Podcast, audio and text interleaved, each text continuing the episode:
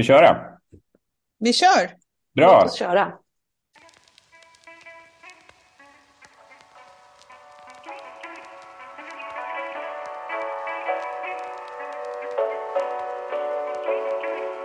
Hej och välkomna till Yttrandefrihetspodden som Svenska PEN har gett ut i några år. Jag heter Jesper Bengtsson och är ordförande för PEN och eh, brukar programleda den här podden. Idag har jag med mig eh, Kerstin Almegård, vice ordförande i PEN och förläggare på Bonniers. Välkommen! Tackar, tackar. Och Karin Pettersson som är kulturchef på Aftonbladet. Hallå, hej! För visst är titeln kulturchef? Jajamän. Det är så man säger ja. Just det. Jag blev Ja. lite osäker plötsligt. Kulturchefredaktör tänkte jag, men det låter Nej, nej, kulturchef är kort och koncist. konstigt. Och tydligt. ja, tydligt, precis. Vi ska ägna en stund här åt att prata om eh, den fråga som kom upp i veckan, nämligen frågan om att eh, ändra i texter av äldre författares verk. Roald Dahl blev en snackis här och eh, detta för att de som äger rättigheterna till hans produktion nu hade bestämt sig för att göra ganska omfattande, flera hundra ändringar av ord och ta, ta, ta bort många hänvisningar till kön och så vidare. Och eh, det blev rabalder. De flesta var väldigt kritiska. Eh, Karin, du skrev en text som jag tyckte var intressant som gick ut på att det här inte var bra men att det kanske inte nödvändigtvis är cancel culture utan mer en fråga om kommersialism. Kan du utveckla det lite? Eh, ja, men precis. Nej, men eh, man får titta på vad det var som hände egentligen i den här storyn. Eh, och om jag har förstått turerna rätt så Eh, är det ju då företaget som äger eh, rättigheterna till Roald Dahls eh, böcker, som i sin tur då är ett företag som köptes upp av Netflix häromåret, som har gått igenom utgivningen eller gått igenom böckerna och vill göra, ville göra dem då kommersiellt gångbara helt enkelt för en ny generation av läsare. Och då har man använt sig av det som kallas för en sensitivity reader, det vill säga en, en redaktör som går igenom materialet och försöker fundera på vad som kan vara kontroversiellt och upprörande i läsarnas ögon och försökt att då eh, ta bort stötande uttryck och göra, göra böckerna tillgängliga. Och jag tycker det är intressant därför att jag tror faktiskt att det här handlar i första hand om att göra de här böckerna okontroversiella, kanske inte för barnen utan för, för barnens föräldrar i någon slags eh, liksom äng, lite ängslig tid när eh, eh, vi diskuterar, det är mycket diskussioner om vilka ord som är liksom okej okay och inte okej. Okay. Så det är en, liksom en, en, en, en kommersiell strategi riktad till barnens föräldrar som då eh, ja, ligger bakom hela den här förändringen. Och då tycker jag att ofta landar de här diskussionerna i att det är någon slags liksom, sån här superwoke, eh, vänster, ängslig vänster, identitets, liksom, politik som ligger bakom eh, ja, när man gör när, man, när, man, när det blir de här diskussionerna. Men lika ofta, eller kanske ännu oftare, så handlar det just om den här en ängsligheten som är driven av pengar helt enkelt. Att man är rädd för att tappa föräldrarna i det här fallet och kanske annonsörer i andra fall. Och i det här fallet kanske det går hand i hand också. Ja, säkerligen. Mm. Kerstin, vad säger du? du var ju, jag vet att du var också ute i medierna i några tillfällen där när den här diskussionen bröt ut då, och var kritisk mot just mm. den här förändringen. Mm, ja, men precis. Och det blir ju lite komplicerat för att å ena sidan så sa jag väldigt sådär tvärsäkert att ja, jag håller med Salman Rushdie och Rushdie kallade det här för censur. Mm. Eh, och jag ångrar mig lite grann där för att det är ju egentligen inte censur. De, har ju, de är ju i sin fulla rätt rättighetsinnehavarna att göra vad de vill med den text de äger. Eh, så då är det ju per definition inte alls censur, men, men eh, det är ju samtidigt eh, någon form av eh, liksom, klåfingrighet som jag tycker är eh, ett tecken i tiden och eh, som, som eh, ger mig lite kalla kårar av alla möjliga olika anledningar. Och den ena anledningen är ju just att man förvränger ett författare författarskap och gör det till någonting som det aldrig kan ha varit författarens egen intention att det skulle vara. Jag kan inte för mitt liv föreställa mig att Roald Dahl eh, skulle ha velat göra de här ändringarna eh, i sina texter. Och det andra är väl också just att det blir en... Att, att, att gå in och i efterhand göra ändringar i verk blir ju också någon form av historielöshet. Eh, och att jag tycker att det finns ett värde i sig att man faktiskt ska kunna eh, låta texter få vara som de är. Vill man, vill man ha andra texter får man väl skriva nya, annorlunda texter, mm. tänker jag. Jag tänker det att det, det, finns flera lager i det här. Jag tror det, det, det, ändras ju ibland. Det klassiska exemplet som också nämndes mycket i veckan var ju det här med Astrid Lindgren där n-ordet togs bort. Mm. Det var en slags förändring. Här var det många fler förändringar och kanske på ord och beskrivningar och sådär som vi reagerar mer på. Jag har ju hållit på en del med musikaler och satt upp musikaler och där, där ändrar man ju faktiskt varje föreställning eh, i originalverket för att det är nästan fysiskt och teoretiskt omöjligt att spela ett manus på exakt samma sätt varje kväll. Sen gör man det då inte utifrån någon slags politisk idé om vad man ska göra eller så. Men det kanske man också gör, därför att tol den tolkning som man gör av det här originalverket ändrar man ju liksom i en riktning som man vill att det ska vara. Så att säga. Mm. Men det tänker jag att det kanske är lite annorlunda, för att där är ju uppsättning i sig en konstnärligt verk. Och det som ligger till grund för det är också ett konstnärligt verk. Så det är inte riktigt jämförbart. Kanske jämförbart med de här liksom, illustrerade klassikerna som jag läste när jag var liten av Jules Verne och eh, Alexandre Dumas och så där. Det var det väl inte så mycket som var kvar i ordval och sånt ifrån originalverket. Men eh, det presenterades ändå som samma bok. Mm. Så det finns ju en massa nivåer i det här tänker jag. Som är, och det är också av kommersiella skäl. Om man ska knyta an till det du säger Karin. För att gör man eh, illustrerade klassiker så är det ju för att man vill sälja till en annan målgrupp med samma historia egentligen. Ja, och det blir ja. också... Ja, förlåt, säg Karin. Nej, men det är, alltså, jag tyckte, det är en intressant diskussion. Jag tyckte att i, i det här fallet så, eh, så tycker jag drivkrafterna liksom var enkla att identifiera och se. Och sen tror jag också att det blev övertydligt eftersom många av de förändringarna som som redovisades då som man kunde följa var lätta liksom, att avfärda som ganska klumpiga och också på något vis, eh, liksom det handlar ju om liksom hur man ser på barn och barns läsande och mm. att det ja, lite nedlåtande nästan mot, alltså det är inte ord som är svåra att förstå eller utan det är bara att man vill liksom sänka någon slags fulhetsnivå i texten som man tror att barn inte kan hantera. Och då och, så jag tyckte det här fallet var ganska enkelt eh, att se som sagt vilka drivkrafterna var och eh, att liksom ha en, ganska enkla invändningar då mot utifrån det här resonemanget att det är framförallt kommersiella intressen och inte konstnärliga eller liksom tillgänglighetsintressen för, för barnen i första hand i det här mm. fallet som, som styrde. Men jag är ingen sån fundamentalist när det gäller språk eller litteratur heller. Och jag, jag tycker att eh, om man ser på Astrid Lindgrens författarskap så är det ju givet, eh, och jag är själv barn i den åldern, att hennes berättelser fortfarande håller i övrigt. Eh, och att det är en, liksom en nivå på hennes litteratur som är så som är fantastisk och som eh, säkert kommer hålla i flera generationer till. Och att då eh, ta bort liksom, uh, rakt av rasistiska stereotyper. Jag har ingenting emot det, utan det tycker jag eh, är vettigt. Men så jag tror att den som, den som säger att det finns liksom, regler som, som gäller och att man aldrig får ändra ett, ett ord eller att man alltid ska ändra ett ord eller ändra språk, det, så är det ju inte. Eh, utan det, man måste komplicera bilden. Och mm. man måste landa i någon slags analys av varför görs förändringarna? Eh, vem är det till för? Går vi för långt? Liksom värnar man berättelsen? Och så vidare.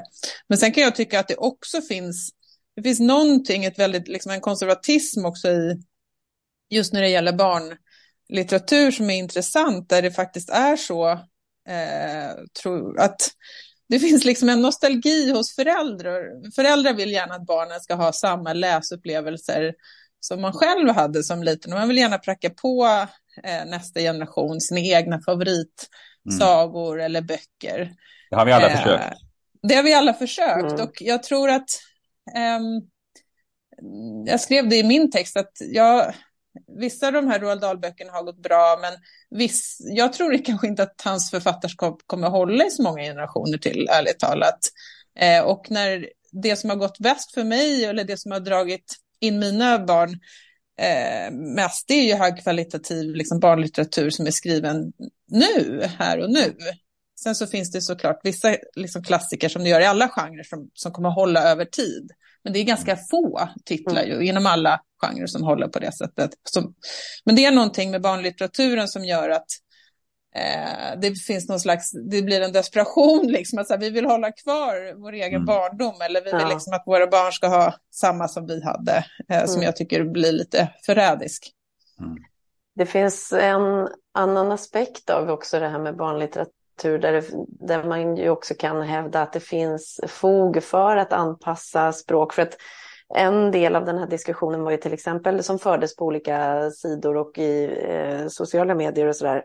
Att det vettiga sättet att, att göra med, med sådana här föråldrade texter är att man låter dem vara som de är och sen så skriver man kanske ett problematiserande förord eller efterord eller eh, Eh, eller att när man, eh, när man ligger där i sängen och eh, läser för sitt barn så ska man liksom ta snacket också med barnet. men det, är att det, där... fel, det är inget fel med att vara skallig, typ det. Ja. Nej men exakt, just det. Det finns många olika anledningar till att kvinnor bär peruk. men, men att det där är ju också en drömbild av verkligheten och att verkligheten ser ju kanske inte så ut. Ett barn eh, som är läskunnigt och läser Roald Dahl eh, är, kommer ju läsa den boken på egen hand. Det kommer ju inte vara en förälder som läser högt förmodligen, för att det riktar sig ändå till lite äldre barn som faktiskt kan läsa själva. Och eh, ett barn sitter inte där och plikttroget läser ett förord innan det får gå på själva historien, utan det är liksom rakt på. Mm. Eh, och det, den där föräldern som liksom ska samtala med barnet om vad barnet har läst. Jag, jag vet ju själv hur jag är med min dotter, hon är 11, hon är bokslukare just nu, vilket är underbart. Eh, och jag är jätteglad över det, fast jag har faktiskt inte den blekaste om vad hon har läst de senaste veckorna. Hon kan ha plöjt alla möjliga olika tvivelaktiga böcker. Högst sannolikt. Ja. Mm. Jo, men det är intressant med Roald Dahl också tänker jag, det är ju att det som har varit väldigt framgångsrikt för hans författarskap under de sista åren, det är ju just tolkningar i andra former, alltså musikaler, filmer, mm. och den sortens, där man då redan har kunnat göra den justeringen. För det tror jag, jag har inte närstuderat dem, även om jag har sett flera av dem. Men eh, de är oerhört framgångsrika och när jag såg till exempel Matilda i London för några år sedan så inte tänkte jag på att det skulle vara något eh, ganska mustiga karaktärer självklart, men inte nödvändigtvis några här, som inte skulle funka i dagens politiska kontext eller så. Mm. Men sen tänker jag också på det du beskrev Astrid Lindgren, för att det är också intressant, vad, du var inne på det förut Karin, vad, vad tror vi egentligen att barn tål? Mm. Eh, jag tyckte själv när jag läste Astrid Lindgren som barn att jag, jag blev så extremt irriterad på Karlsson på taket och kände liksom att hur kan hon göra en slags hjältefigur av den här skolgårdsmobbaren med propeller på ryggen. Mm. Eh, men det kunde jag ju, den, den, den insikten fick jag ju själv. Det behövde ju ingen tala om för mig. Nej, om man tänker på själva Pippi så var, blev det ju ett ramaskri när hon slog igenom med Pippi-böckerna. För att Pippi var ju liksom den värsta eh, vilda ungen man kunde tänka sig. Och det, det var vilda debatter på mm. kultursidorna och man fick verkligen skriva sådana där hemska böcker som hon gjorde. Så att hon var ju också en upprörande författare då. Mm. Mm. Och sen, och jag, kanske är det också det som är, för jag tänker just reaktionerna kring Dahl så är ju Eh, jag har läst ganska mycket om Roald Dahl, biografier och, eh, och det kändes ju välkänt att han är en, eh, ja han var en öppen antisemit, han var liksom en ganska, han var en mobbare själv mm. och en elak person, liksom väl, det är liksom väl etablerat. Eh, och det är ju sidor av honom som i den bästa av hans böcker används eh, för att liksom säga det förbjudna, säga Mm. kalla folk för saker som barn egentligen vet att det här inte är schysst eller inte snällt eller så beter man sig inte och, och så vidare. Men det är ju det litteraturen är till för också för oss vuxna. Så jag vet inte, det är klart att barnlitteratur ska få använda använda liksom mörkret, eller måste göra det säkert för att kännas bra, eh, eller kännas intressant och relevant och, och bli rolig att läsa. Och det är ju förlösande mm. med när Dahl gör det. Eh, eh, därför att det blir det här liksom eh, fnisset liksom, när man ser något förbjudet eller hör mm. något förbjudet.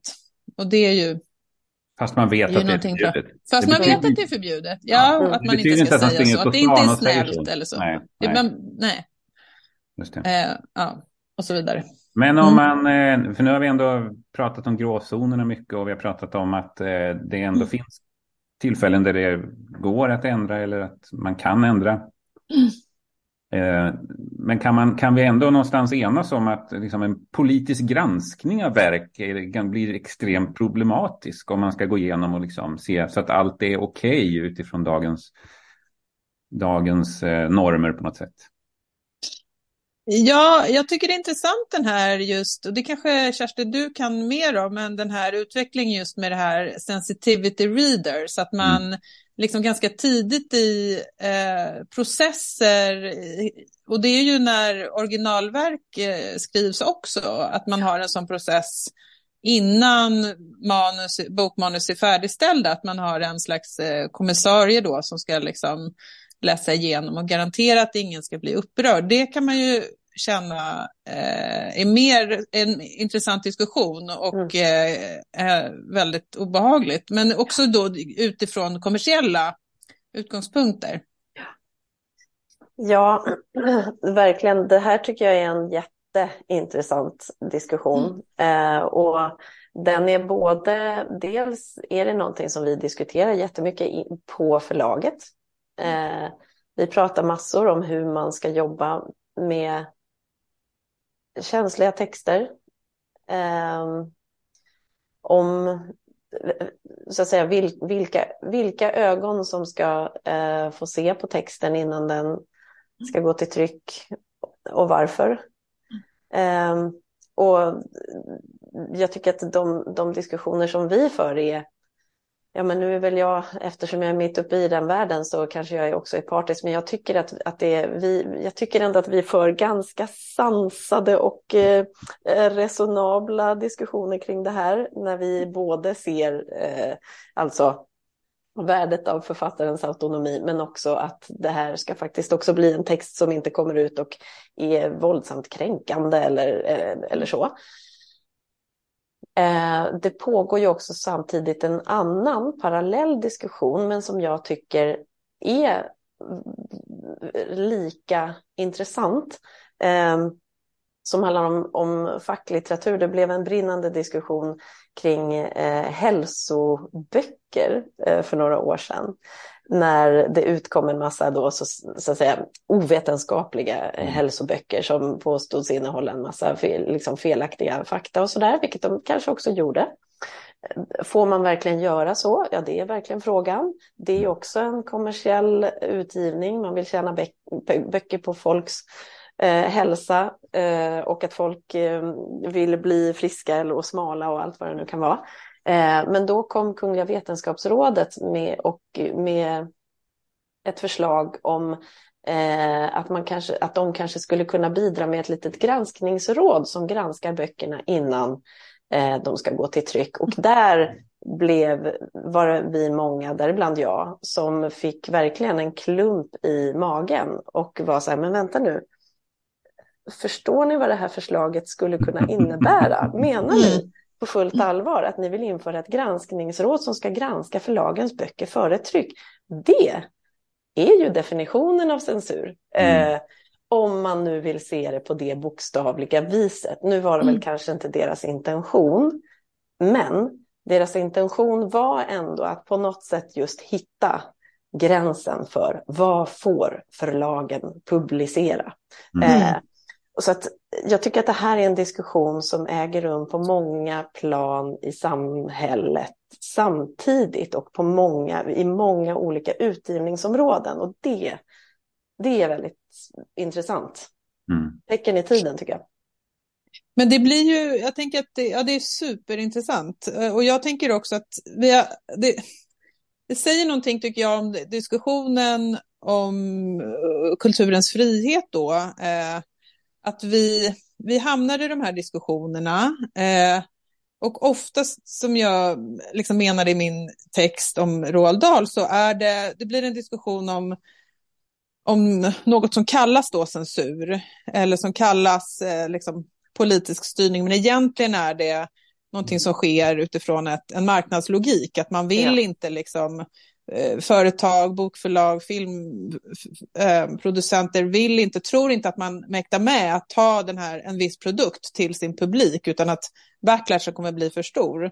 Och att vi, jag skulle önska att vi hade en, en mycket större diskussion nu då om, ja det är bra att vi skyddar liksom, kulturen från eh, politikens liksom, instrumentella direkta inflytande.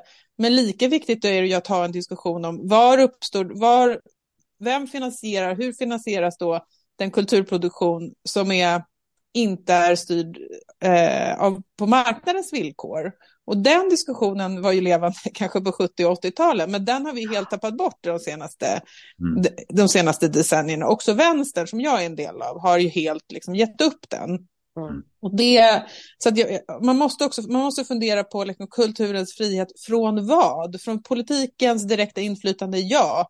Men ska du ha en kulturproduktion och kanske konsumtion som är också bortanför marknadens liksom väldigt eh, specifika logik, ja då måste du ha ja, då, då måste du karva ut det utrymmet på något annat sätt och då måste också politiken vara med att karva ut det och garantera det. Eh, så det, finns mm. liksom, det finns ingen absolut autonomi för, utan det finns bara liksom frihetsgrader från olika liksom, ekonomiska, politiska intressen. Och idag, de senaste åren har vi bara pr liksom, pratat om en eh, form av eh, mm.